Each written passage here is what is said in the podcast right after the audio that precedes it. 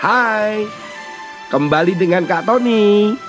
Kita akan membedah, membuka, belajar tentang kitab Amsal yang ditulis oleh Raja Salomo agar kita mendapatkan hikmat pengetahuan dalam menjalani kehidupan ini. Dibawakan oleh Kak Tony. Tuhan Yesus memberkati.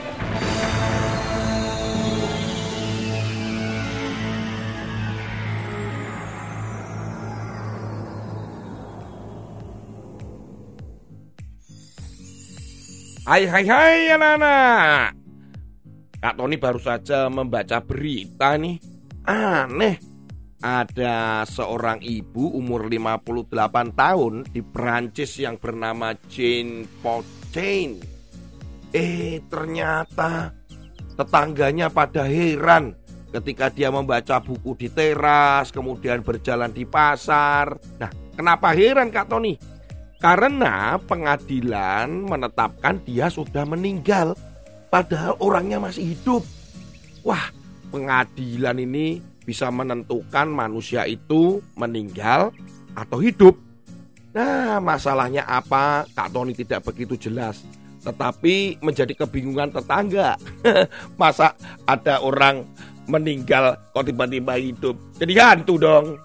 Nah lain lagi dengan di India anak-anak di India ini ada seorang bapak bernama Bihari. Dia ini malah mendirikan organisasi yang lucu sekali. Organisasinya adalah organisasi perkumpulan orang-orang mati. Organisasi perkumpulan orang-orang mati. Jadi orang-orang mati itu apakah dikumpulkan terus membentuk organisasi begitu? Kan nggak mungkin itu. Aduh. Pak Bihari ini ada-ada saja. Ternyata organisasi ini benar-benar ada dan didirikan tahun 1976. Bermula dari suatu hari Pak Bihari ini pergi ke bank. Dia akan mengajukan kredit. Ternyata pihak bank tidak mengizinkan atau tidak memberikan kredit. Pak Bihari bertanya, "Kenapa saya kok tidak boleh mengajukan kredit?" Karena Pak Bihari itu dalam catatan di bank ternyata Pak Bihari sudah mati. Padahal Pak Bihari kan masih hidup. Ini kan hal yang aneh. Ternyata pamannya Pak Bihari memberitahukan kepada pemerintah atau catatan sipil di sana bahwa Pak Bihari sudah meninggal. Bahkan keluarlah catatan atau sertifikat kematian dari Pak Bihari. Untuk apa? Ternyata pamannya ingin mengeruk harta kekayaan daripada Pak Bihari ini.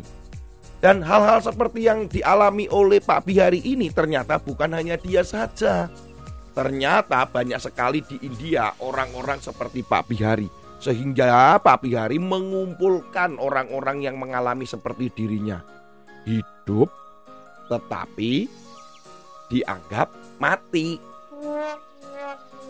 Nah, usaha Pak Bihari mengumpulkan mereka tidak sia-sia anak-anak. Ternyata Pak Bihari dengan perkumpulan orang mati itu memiliki anggota di atas 20 ribu orang. Bayangkan, wow, hebat. Dan ternyata untuk mengurus kembali pernyataan atau sertifikat tentang hidup itu tidak mudah. Tetapi Pak Bihari bersama dengan teman-teman yang lain berusaha untuk mendapatkan sertifikat hidup kembali. Wih, walaupun usahanya ini perlu waktu yang sangat panjang. Nah, anak-anak, wong orang masih hidup kok dianggap mati atau meninggal gimana sih? Padahal firman Tuhan berkata kita bisa umur panjang, kita bisa hidup sejahtera, kita juga bisa penuh dengan kebahagiaan, nggak perlu sulit mengurus surat hidup, tetapi meninggal atau mati. Waduh. Nah, firman Tuhan berkata di dalam Amsal pasal 3 ayat 16 dan 17. Umur panjang ada di tangan kanannya, di tangan kirinya kekayaan dan kehormatan. Jalannya adalah jalan penuh bahagia, segala jalannya sejahtera semata-mata. Firman Tuhan di dalam Amsal mengatakan bahwa kalau kita dipenuhi melakukan firman dan hikmat ini kita lakukan, kita mendapatkan umur panjang. Kita mendapatkan kekayaan, kita mendapatkan kehormatan, kita juga mendapatkan sejahtera jalan-jalan yang ditempuh itu. Ketika kita berusaha mencari supaya kita hidup, gimana supaya hidup itu panjang atau umurnya panjang? Gimana supaya kita mendapatkan kekayaan, artinya kecukupan yang Tuhan berikan? Bagaimana kita mendapatkan kehormatan? Bagaimana supaya jalan ini kita penuh dengan bahagia dan sejahtera? Jelas firman Tuhan di dalam Amsal dikatakan, maka engkau harus dipenuhi terus dengan hikmat, yaitu firman itu sendiri dan melakukannya. Oleh karena itu kenapa sih kita kok terus baca firman Tuhan tiap hari? Ini salah satu alasannya. Supaya kita ini menjadi bahagia gitu loh. Ya, jangan sibuk-sibuk seperti Pak Biari ngurusin orang-orang yang ternyata dinyatakan meninggal tapi sudah harus menerima kenyataan mau masih hidup. Ya, mari kita membaca firman terus ya anak-anak dan dapatkan umur panjang, dapatkan kekayaan, kehormatan, kebahagiaan dan sejahtera. Oke. Sampai ketemu dengan Kak Tony berikutnya ya. Puji Tuhan.